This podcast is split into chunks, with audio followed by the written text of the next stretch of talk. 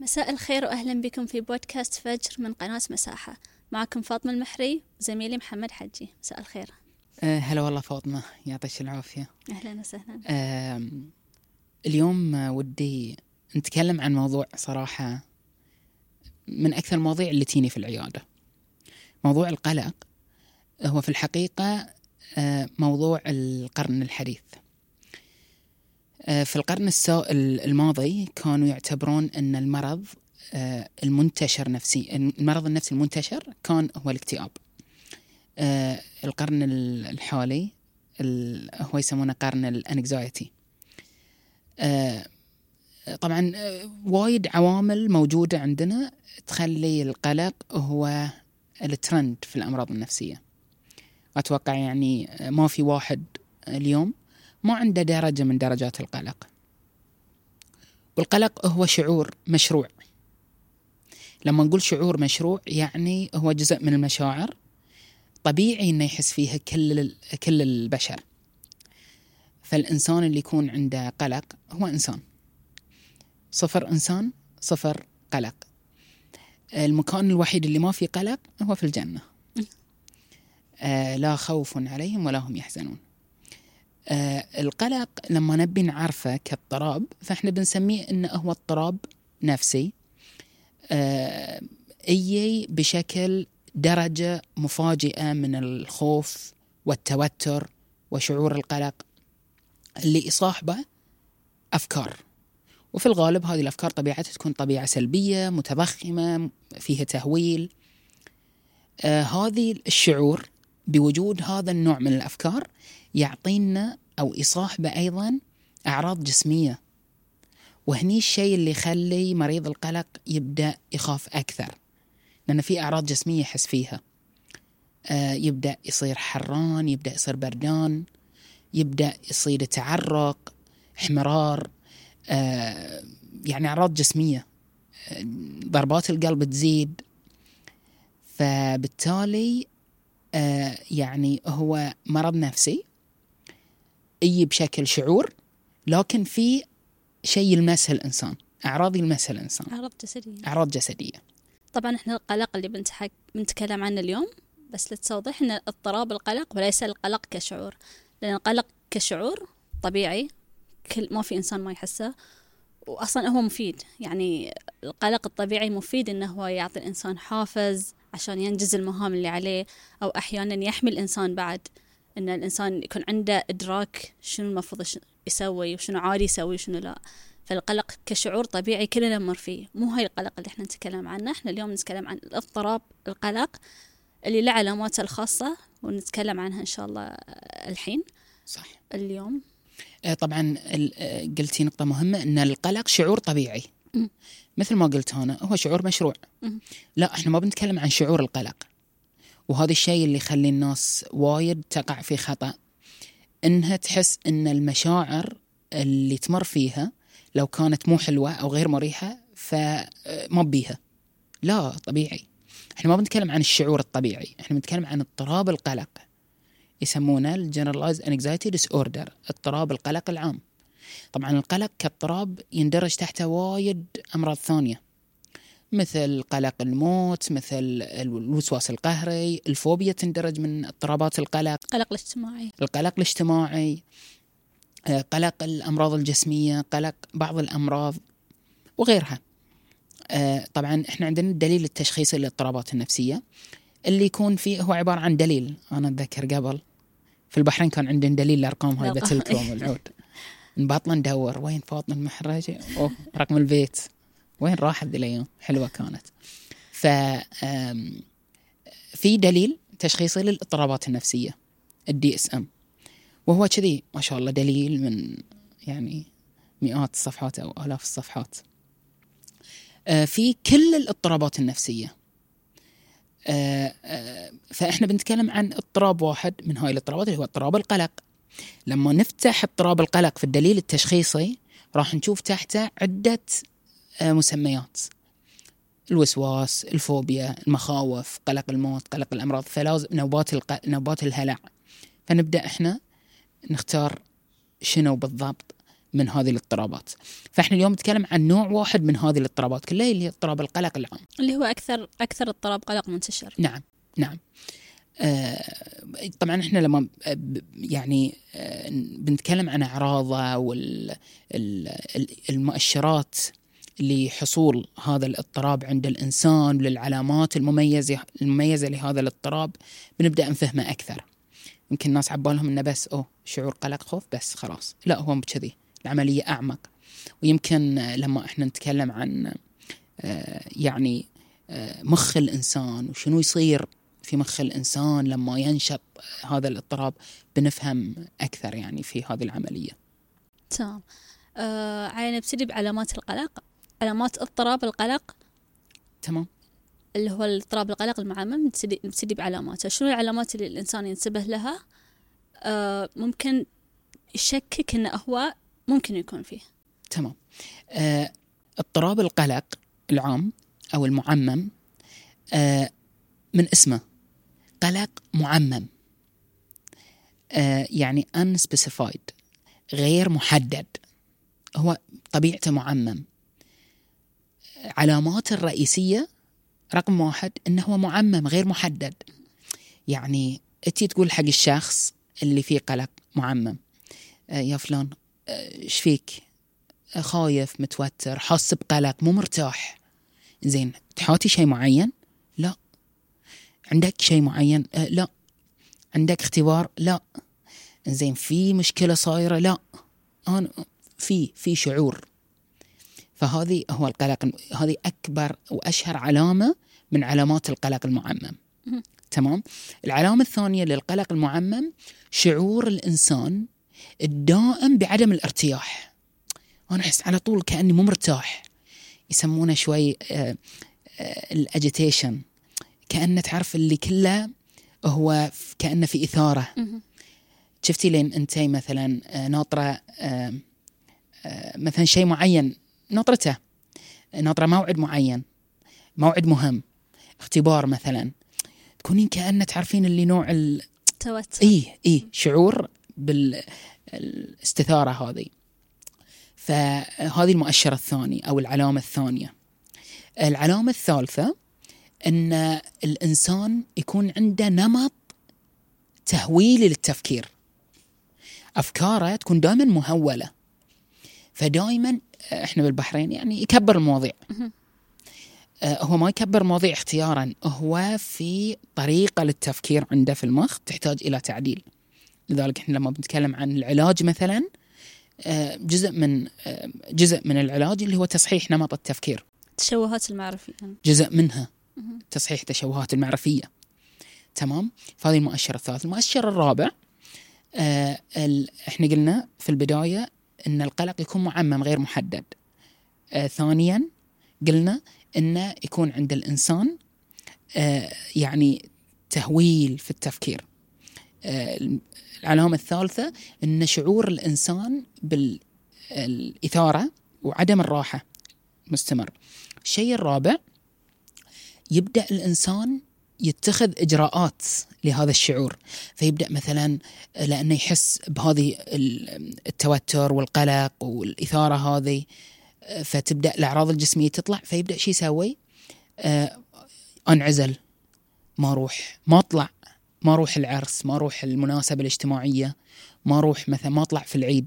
محاولة للتأقلم مع إي إي بالضبط كأنه محاولة تأقلم. فيبدأ الإنسان لأن في استجابات فيبدا يستجيب. حق ذي القلق بس بطريقة سلبية بطريقة خاطئة. فإحنا إذا بنتكلم إن شاء الله عن العلاج بنتكلم شوي بتفصيل أكثر.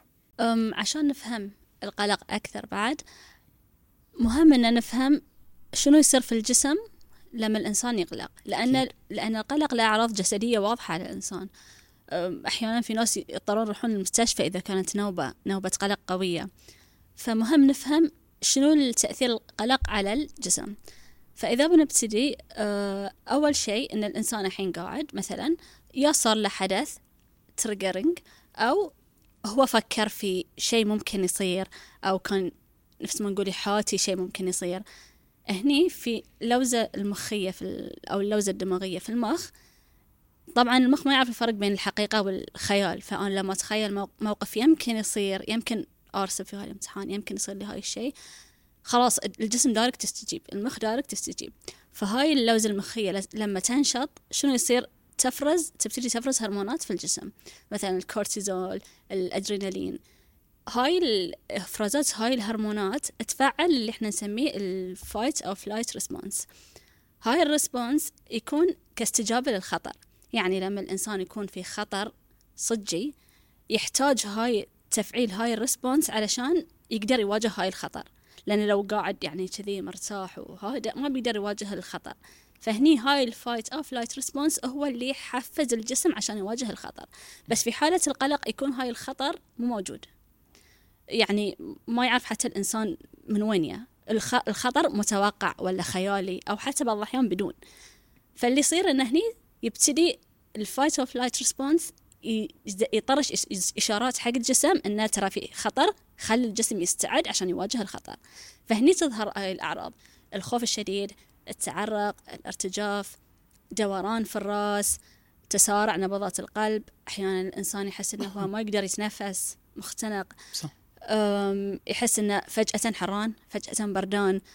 مو قادر يركز حتى مو قاعد مو قادر يقعد في مكانه لأن الجسم الحين يبي يبي يواجه الخطر. فإنسان ما يقدر حتى يقعد في مكانه يبي يتحرك يبي يطلع هاي الطاقة اللي موجودة. هاي اللي يصير في الجسم في حالة ال ال عند القلق. وهاي القلق طبعا مثل ما قلنا مو شرط إنه هو يكون قلق صجي. يمكن يكون خطر غير صحيح الخطر اللي. خطر غير صحيح الخطر اللي يحس. الإنسان غير حقيقي. آه ف هني لما لما يصير هاي ال trigger تطلع علينا هاي العلامات آم، يقال إنه يفضل إن الإنسان لما تجي هاي العلامات الجسدية إنه يقعد يرتاح علشان الجسم يهدأ. الأعراض توقف هذا. الأعراض توقف لأن هني يبتدي الجسم يحس إنه أوه ترى ما في خطر. خل نرجع الجسم حق وضعه الطبيعي. أو مثلا التنفس العميق بعد. أو حتى الكلام بين بين الشخص ونفسه إنه مثلا اهدأ ما في شيء تطمن. ما أنت مو في خطر حقيقي هاي أعراض. هذه الأشياء ممكن تساعد عشان تخفف هاي الأعراض الجسدية لأن الناس أول ما يخافون من الأعراض الجسدية لما يكونون في حالة قلق. صح. آه، طبعا هذه أنت وأنت تتكلمين فكرة ال- فسيولوجية القلق. ال- ال- الجسم الله سبحانه وتعالى خلق المخ لأمر واحد لحماية الإنسان. وين تصير المشكلة؟ لما المخ يبدأ يعطي أوامر للجسم إنه يا جسم أنقذنا. في خطر حقيقي بيك. فيبدأ الجسم مثل ما قلتي انت هذه نظريه ال- ال- نظريه نسميها إحنا الكر والفر. okay؟ بالضبط fight or flight آه هذه النظرية قائمة على ذي المبدأ إن الجسم يبدأ يستجيب لفكرة المخ. وين الإشكال؟ إن الفكرة هذه غير حقيقية. بالضبط. لكن الجسم استجاب لها. فشي يصير؟ مريض القلق يبدأ بالانشغال في هذه الأعراض فيزيد القلق. فشي يصير؟ يبدأ لما يزيد القلق يبدأ يتعطل. فذهنيا قاعد يأكد فكرة الخطر. الخطر. فشي يصير معاه يزيد. يزيد. فيبدأ يتعمم على كل المواقف في الحياة. فيبدأ ي- خلاص. يبدأ يصير عنده دليل. فإحنا لما جزء من علاج القلق النقاش العقلاني لهاي الأفكار. فلما نسأل المريض سؤال ما هو الدليل على صحة الأفكار؟ شو يقول؟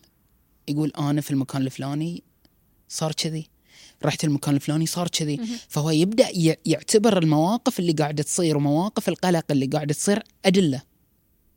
فيبدأ يشعر بشعور دائم بعدم الراحة. وصار كأن عنده دليل. والحقيقة إن هذه مو بدليل. نفس ما قلنا إنه يحاول يتأقلم وياه بأي طريقة. بالضبط. آه، وأنت قلتي فكرة حلوة. فكرة ال ال إن الإنسان آه، آه، يصير عنده يعني آه، آه، هذه النوع من القلق لما يصير يبدأ يصيده. آه، أنت قلتي إنه يقول حق نفسه. اهدأ مثلا. آه، واحد بي بيقول دقيقة آه هذه كلام فاضي يعني شنو اهدى وخذ نفس عميق. وهذه مو بعلاج. هذه الخطاب الداخلي. مشكلة مرضى القلق في خطاباتهم الداخلية. مريض القلق مشكلته إن خطابه الداخلي في تهويل وفي كارثية وفي تضخيم. فبالتالي هذه النوع من الخطاب الداخلي والحوار اللي قاعد الإنسان يحاوره مع نفسه مشكلته إنه يزيد المشكلة. بالضبط. فشي يصير. ما تتعالج مشكله القلق عنده. آه لذلك تقنية الخطاب الداخلي العقلاني هي تقنية من التقنيات. بس للتعامل مع القلق ال... يكون intensely anxious. بالضبط. هني بس يهدئ نفسه. نفس ما لو كان خلينا نقول يعني طفل صغير أو حتى صديق لك قاعد يمر بنوبة قلق أو غيره شلون أنت بتهدي شنو الكلام اللي بتقوله قوله حق. نفسك عشان تهدأ طبعا هاي مو علاج هاي طريقة للتعامل مع القلق. آه، تصدقين يوم قلتي عن موضوع آه، لو أخوك أو صديقك كذي آه، في تقنية من تقنيات القلق عندنا ترين شو نسميها؟ نسميها تقنية الصديق. لو كان عندك صديق قدامك في قلق شنو بتقول له؟ هذا الكلام اللي بتقوله بتقوله له قوله حق نفسك في وقت نشاط الأعراض فهذه محور مهم. إن الإنسان يفهم يراقب أفكاره. ال- الخطوة الأولى للتغلب على القلق هي الوعي والحوار الذاتي مع نفسك. هذه الخطوة رقم واحد. صح. أنا بعد لاحظت إن وايد ناس يقاومون هاي الشعور. يعني يقاومون؟ يقاومون نعم، الشعور. أيوة، يعني مثلا بالضبط. أنا الحين قاعدة ما فيني شيء فجأة جاتني نوبة القلق. فجأة قاعدة أحس بأعراض ما صار شيء. أنا الحين فيني؟ ليش قاعدة أقلق هاللون؟ أو مثلا صار لي موقف بسيط. خلينا نفترض إن أنا رحت مكان مزدحم وحسيت إن توترت انزعجت قاعدة تطلع علي الأعراض الحين ما صار شيء. فأنا ب- عقلانيا قاعدة أفكر فيها الشعور ذي مو منطقي ليش قاعد يجيني؟ فهني تصير بعد كنا أنا قاعدة أقاومه وكل ما أقاومه كل ما يزيد. فبعد للتعامل معاه تقنية مهمة إنه هو يتقبل. في في علاج بالتقبل والالتزام هاي نظرية العلاج النفسي. بس هو بشكل عام إن الإنسان يتقبل ان أنا الحين أنا خايفة الحين أنا متوترة. أوكي خل الحين أتوتر خل أتقبل هاي الشعور بعدين أنا بحاول أفهم أسبابه. حزة الإنسان يكون في نوبة القلق هذه إذا بيقعد يقول ليش ومو منطقي؟ هو مو منطقي. هو لا هو هو اضطراب نفسي. فطبيعي إنه هو يكون غير منطقي. ففي حزة نشأة الاضطراب أو مثلا أعراض الاضطراب هني مو, لازم نفكر ليش صار أو محاولة مقاومته المفروض ما يصير كنا لازم ما أحس بهاي الشعور لأن الشعور موجود أصلا. صح. صح. آه يوم قلتي عن نظرية التقبل والالتزام هي نظرية الأكت ACT Acceptance and Commitment Theory.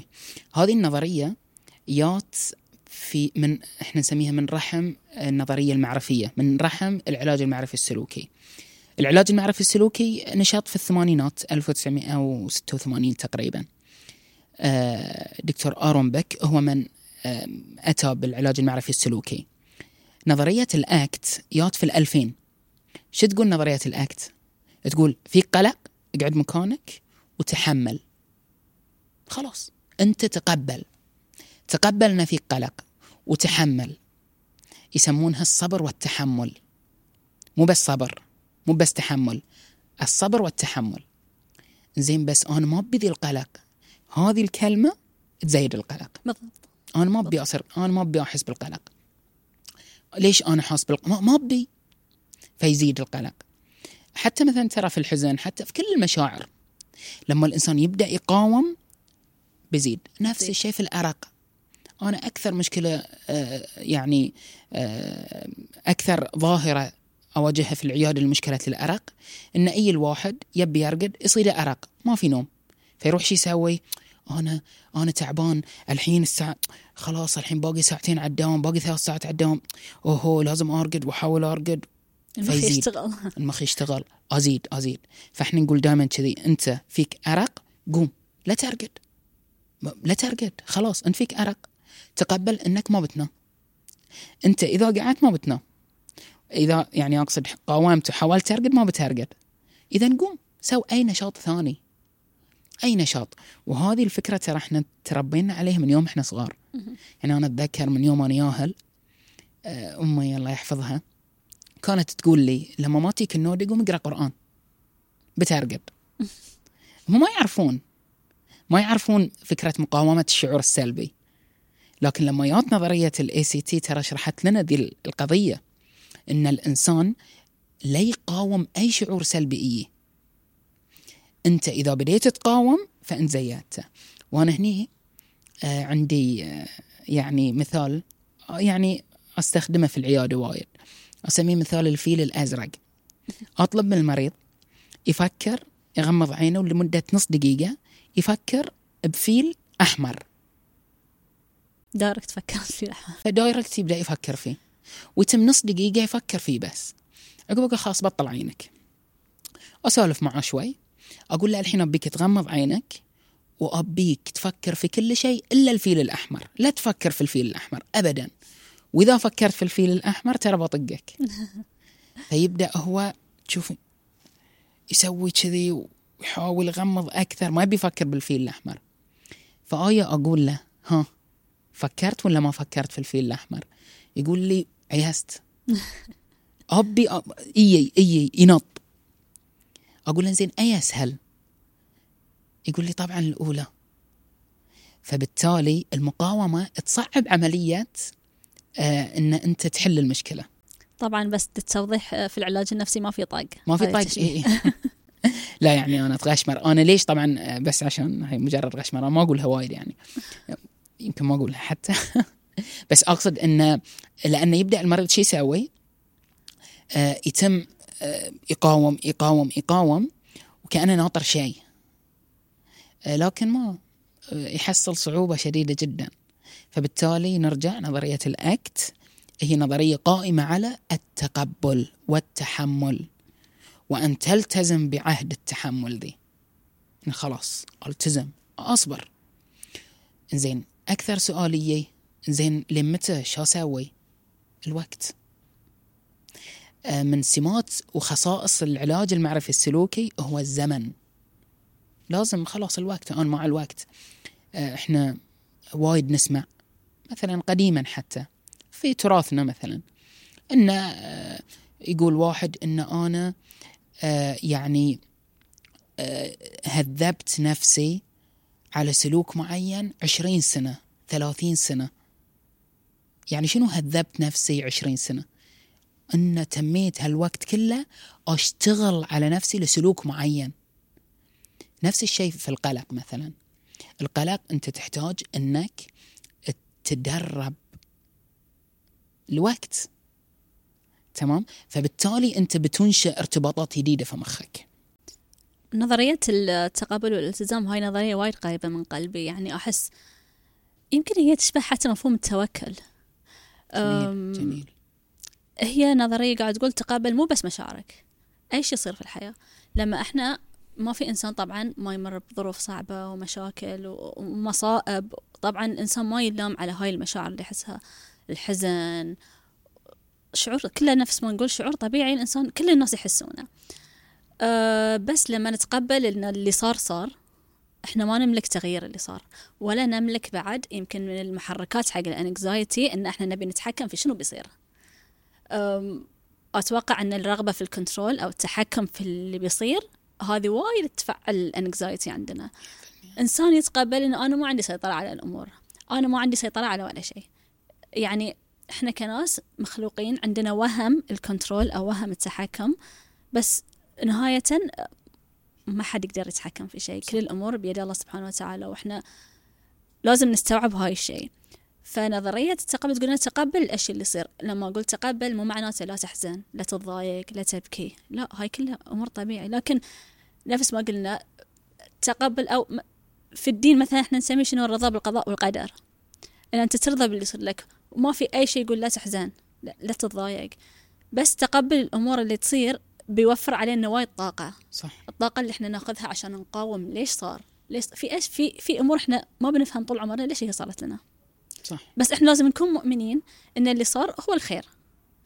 فعشان كذا حبيت أجيب هاي النظرية. فتقبل المشاعر تقبل الأمور بيساعدنا وايد. وهاي يحتاج تدريب طويل. يعني ما أدري إذا في أحد يعني عنده هاي ال skill وخلاص ضامن ضابطها تماما يعني. أنا شخصيا مو ضابطة هاي ال skill أتمنى إن أنا أوصل حق مرحلة إن أنا أقدر أتقبل كل شيء يصير لي بسلام وحتى لو متضايق أتقبل بس ما ما وصلت لهاي المرحلة. أحيانا الواحد يحاول أحيانا ينجح أحيانا ما ينجح أحيانا ينسى عقب يتذكر. المحاولة هي الطريق نفس ما انت قلت في ناس عشر عشرين سنة. كل ما الإنسان يحاول ويسعى إن شاء الله بيقدر. صح آه هذا الشيء يدفعني حق آه، حديث جميل حق الرسول عليه الصلاة والسلام. لما كان النبي صلى الله عليه وسلم قاعد آه مقابل الكعبة قال له واحد من الصحابة قال له يا رسول الله ما لك لا تستنصر لنا. فايش قال له الرسول صلى الله عليه وسلم؟ قال له كلمة جميلة في ختامها ولكنكم قوم تستعجلون. وهذا الشيء اللي نشوفه اليوم في الحياة. الحياة الحديثة حياة قائمة صنعت إنسانا يريد السيطرة على كل شيء. ما يقدر يتحمل المجهول. وهذه مفتاح علاج القلق. مفتاح علاج القلق إن أنت تتحمل المجهول.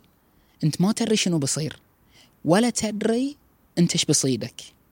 وتتحمل. آه لذلك مرضى القلق آه أكثر كلمة يقولونها شنو؟ أنا بس ابى أعرف إيش بيصير إيش بسوي؟ آه بصير زينة ولا لا؟ بصير زين ولا لا؟ آه ما بمرض المرض الفلاني ولا لا؟ ما بيصيرني ذي المرض؟ آه فيبي يعرف يبي يسيطر. وكان زين نقدر نعطي هاي الضمان. يعني. بالضبط. لكن طبيعة الحياة وهذه فكرة الأكسبتنس. فكرة الأكسبتنس إن أنت تعرف طبيعة الحياة. طبيعة الحياة هي المجهول. فأنت تحمل مجهول. لذلك أنا أقول كلمة وايد. حق حتى ربعي حتى حق نفسي. أه ما تدري إيش بيصير؟ خلاص. ليه ما يصير ذي الشيء بالضبط. يصير خير. ويهني حق العلاج المعرفي السلوكي اللي يركز على الحين. بالضبط. العلاج المعرفي السلوكي يسحب أفكارك من المستقبل إلى الحاضر. وفي الاكتئاب يسحب أفكارك من الماضي إلى الحاضر. فأنت عيش اللحظة. أنت عيش اللحظة فلسفة بوذية. تمام؟ العلاج المعرفي السلوكي علاج غير فلسفي هو ما في فلسفة. لكن هو قائم على مبدأ. هنا والآن. فأنت إذا عشت شلون أنت تفكر في هنا والآن؟ وتحملت القلق الناتج عن ذي الشيء؟ أنت هني وصلت إلى مرحلة ممتازة جدا. أنت قلت نقطة وايد حبيت أركز عليها هي نقطة إن العصر الحين وايد نشوف فيه نفس ما قلت القلق منتشر بشكل كبير قاعد يتصعد الشارت. الحياة الحين صارت ساع يعني كأنها تطلب منك إن أنت تقلق يلا ما في وقت أنت لازم توصل حق هاي المرتبة بهاي الوقت. أنت لازم تتطور في هاي الوظيفة بهالسرعة. أنت لازم يكون عندك ما أدري كم مليون لما يكون عمرك عشرين. انت أنت لازم أنت لازم أنت لازم تحفز القلق. فلو بنتناقش شنو أسباب انتشار القلق الحين أكثر من قبل؟ أنت قلتي كلمة آه، كذي بعد أثارت عندي فضول. ألا وهو وهي كلمة لازم. لازم هي قاعدة. آه، من أشهر قواعد القواعد الفكرية عند مرضى القلق هي القواعد الإلزامية نسميها. لازم. أنا لازم أسوي كذي. أنا لازم أصير كذي. أنا لازم احس كذي أنا لازم ما احس كذي أنا لازم ما آقلق لازم آستانس لازم ما آستانس لازم ما أدري. لازم لازم لازم. فالقواعد الإلزامية أصلا تزيد القلق. آه، أرجع حق آه، سؤالك أو يعني فكرة العصر الحديث. اليوم الحياة ترى معقدة. الحياة اليوم تثير القلق أصلا. فمن طبيعة الحياة هذه وجود القلق فيها. ترى كل شيء يعني مثل ما قلت التنافسية في هذه الحياة زادت. قبل التنافس محدود جدا محدود بسيط. ما في وقت للتنافس. بالضبط ما في وقت حق التنافس. وقبل أصلا آه، ما في تعقيد. صح قبل الحياة صعبة بس مو ما في ذي الكم من التعقيد والواحد يفكر في ألف شيء مثل اللحظة اليوم. لذلك طبيعة الحياة اليوم أصلا زيدت انتشار القلق وبالتالي زيدت من آه انتشار اضطراب القلق. آه زائد أن الإنسان الحديث تكون عنده بسبب طبعا التنافسية الشديدة بسبب الأفكار الحديثة السوشيال ميديا. السوشيال ميديا وغيرها. آه، صارت عنده طريقة تفكير جديدة. هذه الطريقة أصلا الحديثة بروحها مسببه للقلق. فبالتالي واقع وظروف أصلا تثير القلق. مع طريقة تفكير ونمط تفكير يزيد القلق. فصار في يعني آه، كذي ضربيها في بعض. يعني صار مو ب- آه، خمسة زائد خمسة عشرة صار خمسة ضرب خمسة خمسة وعشرين. مهم. لأن شيئين قاموا يمشون يعني يصير كودبندنسي في بينهم. فيزيد بالضبط. يزيد. بالضبط. وهذه من مسببات القلق. يمكن في ناس تسأل ليش من وين يجي اضطراب القلق أصلا؟ صح. من مسبباته اللي الحين أنت قلتها أم، مسببات ثانية مثلا في عوامل جينية في نمط تربية بعض الأحيان إذا الأم أو الأبو يكونون قلقين وايد الياهل يمتص الياهل يمكن ما يقدر يعبر عن هاي الشيء بس يمتص طريقة التفكير من أمه وأبوه لأنه هو ما يعرف. نفس الإسفنجة يمتص طريقة التفكير. أحيانا بعد كثرة التعرض حق الضغوط كثرة ال- التعرض حق الضغوط والمشاكل مشكلة ورا مشكلة مشكلة طبعا مو كل من يقدر يقلل من الضغوط أو مثلا يقلل من المشاكل اللي تصيده لكن يقدر ينمي مهارات تساعده يتعامل معاها بشكل صحي نقدر نقول. فشنو مثلا من هاي المهارات اللي يقدر الواحد ينميها عنده؟ آه، طبعا أهم مهارة آه، ممكن أنه ينميها الإنسان. فبالتالي يعني يعرف يتعامل مع القلق هي مهارة التفكير العقلاني. آه، مثل ما قلنا القلق ناشئ عن أفكار شنو؟ مهولة فيها تضخيم فيها كارثية. التفكير العقلاني يهذب هذه العملية. مريض القلق أم، لأن عنده تهويل في الأفكار. عنده تشوهات معرفية نسميها عنده طرق تفكير خاطئة. فلما يتعلم التفكير العقلاني يبدأ شي يصيده يبدأ لأن الأفكار هي اللي تسبب المشاعر. القلق كشعور من وين جاي؟ من الأفكار. زين إيش رأيك نسوي الحين تجربة؟ okay. الحين أنا مثلا اعتبرني patient جايتك بتفكير أنا الحين قلقة طلع علي أعراض القلق.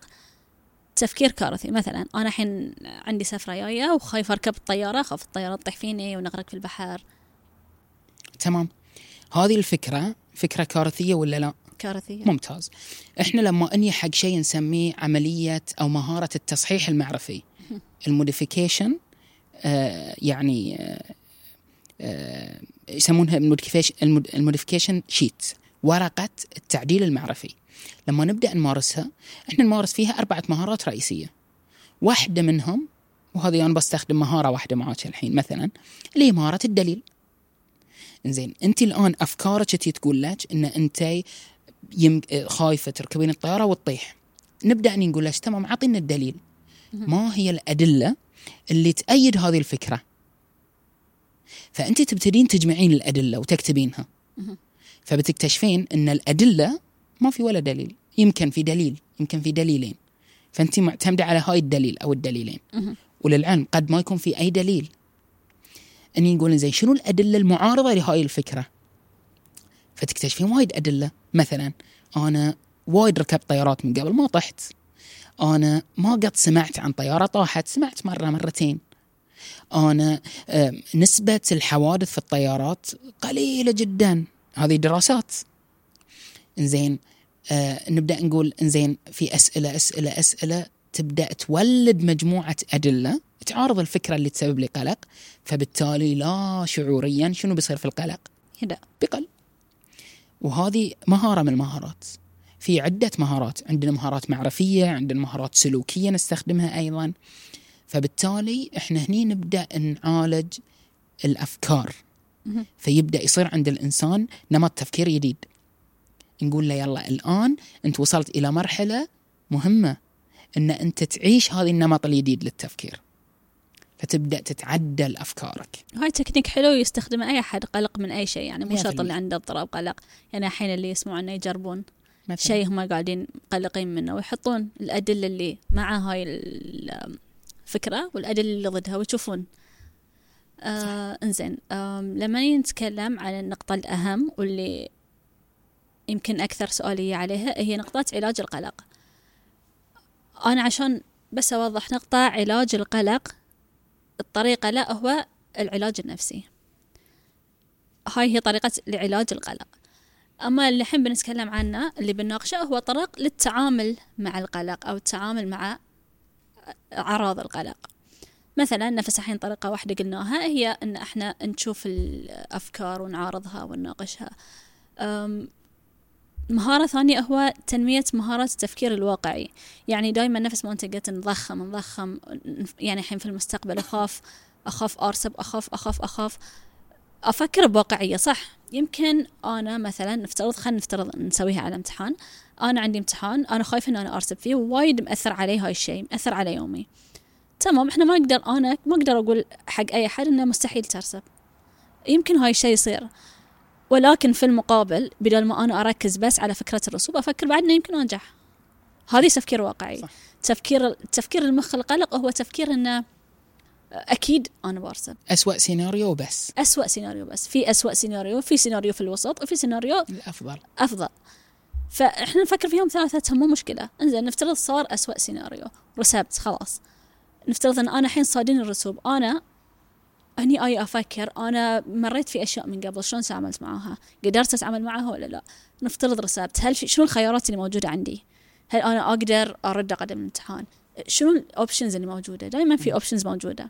هذا الشيء بيساعد في تخفيف بعد آه، حدة هاي الأفكار على الإنسان.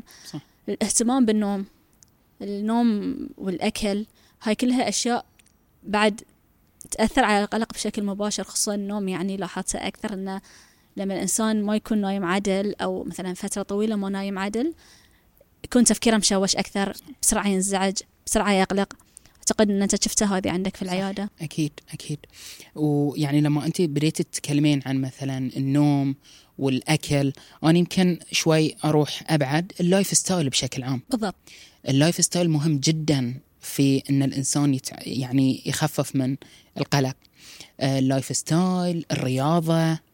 المشي الأكل مثل ما أنت قلتي ال lifestyle بشكل عام. تنفيس عنهم بعد بالرسم مثلا في ناس تحب ترسم في ناس تحب تكتب في ناس مثلا تحب تتكلم مع شخص بس أحسن اختيار الشخص يكون شخص متفهم.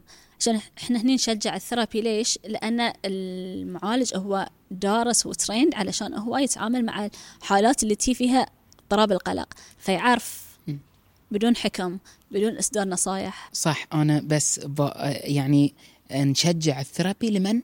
يحتاج, يحتاج. بالضبط. مو بس يلا كل واحد كلكم جربوا لا, لا. مو كل واحد يقلق صح. لأن إذا كذي كل من بي كل من بيروح therapy. هذه أصلا يعزز شوي هشاشة نفسية وضعف بالضبط. أكثر عند الإنسان. لا لما نتكلم نتكلم عن اللي فيه اضطراب. صح. هو قاعد الاضطراب ذي يأثر على حياته day to day يوميا. آه يقدر يتكلم مع مع أشخاص داعمين له. يطلب منهم حتى الدعم. شنو الدعم اللي أنا ابيه أبيكم تهدئوني لما أنا أكون في هذه الحالة. يتعلم فن إدارة المشاعر أو حتى يفهم مشاعره نفس نفسها. يعني بعض الأحيان تتراكم المشاعر أو مثلا يتعامل معها بطريقة غلط تطلع بعدين على شكل شنو؟ نوبات قلق. شنو بعد عندك؟ أنا. بصحح شغلة اللي هي أنا أحتاج أقعد مع ناس هم يهدئوني. في علاج القلق إحنا نقول أنت هدئ نفسك. تعلم الإنسان أنه هو يتقبل ويهدئ من نفسه وهو هذه أفضل طريقة للتعامل مع نوبة القلق. آه، من الأشياء أيضا أنا اللي بعد أحاول أقولها حق أن الإنسان آه، يتعلم مهارات حل المشكلات. مشكلة مريض القلق أنه آه، من كثر التفكير والشعور بالتوتر والقلق والخوف يبدأ يصير تصير عنده مشكلة حقيقية. اللي هي شنو؟ ما يتوهق ما يعرف يحل مشكلاته. فلا إحنا نعلمه مهارة حل المشكلات. already يكون مشوش ما عنده بالضبط تركيز. بالضبط. فهذه أيضا تساعد في موضوع القلق وعلاجه والتعامل معه. تمام. أم... شكرا لك. الله يعطيك ونتمنى إن هاي الحلقة فادت ناس لأن وايد ناس يعانون من صح. هاي ال... أنت بعد. مشكورة فاطمة. يعطيك العافية. يعطيك الف عافية. نشوفك الأسبوع الجاي إن شاء الله. إن شاء الله. على خير. شكرا. 嗯。